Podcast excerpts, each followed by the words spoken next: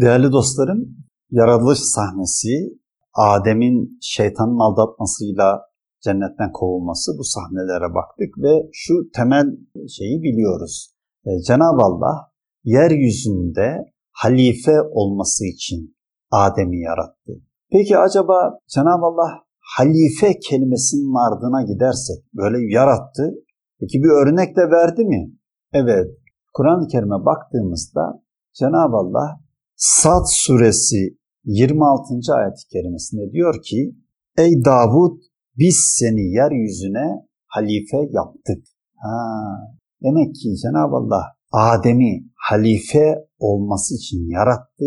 Bir ona kara balçıktan, kendi nefsinden onu nefeslendirdi. Daha sonra bizlere örnek olsun diye de bir örnek uygulama da gösterdi. Kimdir o? Davud Aleyhisselam. Davud'u yeryüzüne halife yaptı. Ona hükümdarlık, ilim ve hikmet verdi Davud'a. Şimdi Davud'a halife yaptı, yaptı da ihtar da ettiğini söylüyor aynı ayet-i kerimede. Diyor ki adaletle hükmet. Hükmederken adaletle hükmet, nefsin isteklerine uyma. Yani Davud örnek bir halifedir, kraldır ve Cenab-ı Allah ona ne diyor? Adaletle hükmet. Şimdi hani Peygamber Efendimiz Aleyhisselatü Vesselam bir sözü vardır. Adalet mülkün temelidir. Mülk derken genelde şöyle anlamayın, anlaşılmaması gerekiyor. Mal, mülk diye anlaşılır bizde. Hani böyle işte evler, paralar, arabalar. Hayır. Mülk, melik, idare demek.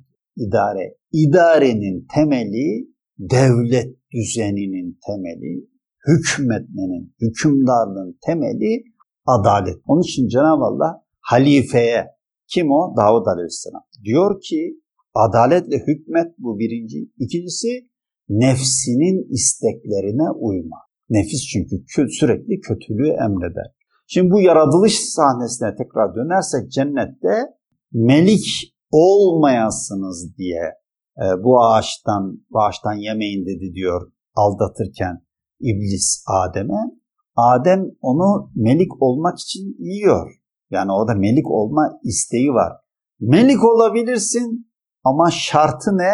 İşte halife e, Davud'a Cenab-ı Allah ne diyor? Adaletle hükme. Hükümdar olacaksın ama adaletle hükme. Sonra ne diyor iblis cennette Adem'i kandırırken?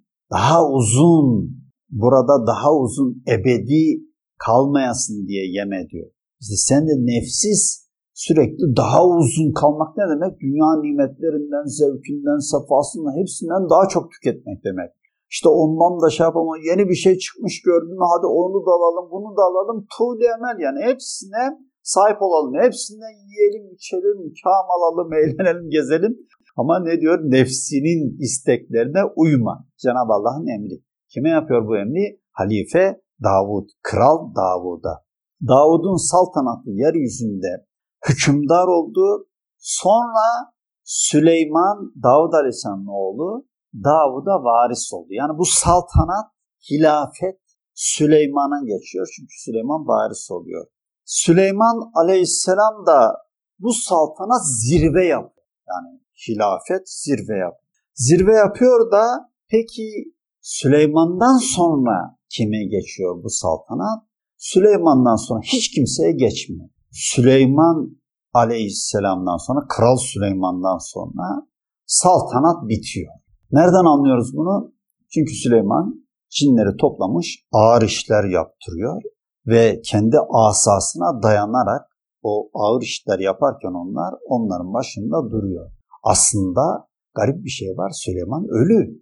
Ölmüş Cenab-ı Allah canını almış. Ama orada asasına dayalı olarak bir şekilde duruyor.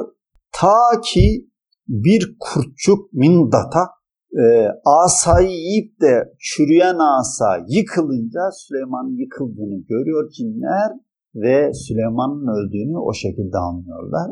Eğer cinler gaybı bilmezler buradan da onu anlıyoruz. Cinler gaybı bilecek olsalardı Süleyman'ın öldüğünü bilirler.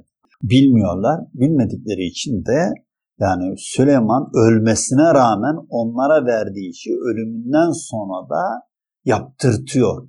koyduğu kural ve kaideler kendi ayakta durduğu müddetçe devam ediyor. Yani ceset olarak durduğu müddetçe devam ediyor. Süleyman da zirve yapıyor dedik. Nereden anlıyoruz zirve yaptığını? Bakınız. Süleyman'ın bir duası, Süleyman aleyhisselamın bir duası. Ne diyor? Sad suresi 35.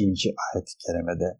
Ey Rabbim beni bağışla, bana benden sonra hiç kimsenin ulaşamayacağı bir mülk bahşet. Şimdi enteresan değil mi? Dua çok güzel çünkü bir peygamber duası. Ama duada ne var?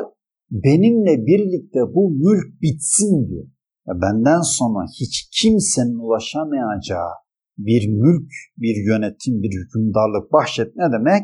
Hiç kimse oraya ulaşamayacak. Yani benimle birlikte bu hükümdarlık, bu saltanat bitsin diyor. Allah Allah. Neden böyle bir dua yapmış olsun ki? Yani bunun hikmeti nedir acaba? Bunu da çözümlemek lazım. Yani bunu anlamak lazım. Şimdi Adem ile iblisin mücadelesine bakıyoruz ve Cenab-ı Allah Davud'u halife yapmış, Adem'i halife olsun diye yarattı. Hilafet Süleyman'a geçti ve Süleyman Aleyhisselam da ilginç bir dua yaptı. Dedi ki benimle ben öyle bir mülk bahşet ki bana benden sonra kimse bu mülke ulaşamaz. Bu bitsin. Benimle beraber son bulsun. Acaba nedir o? Bu duanın hikmeti ne ola ki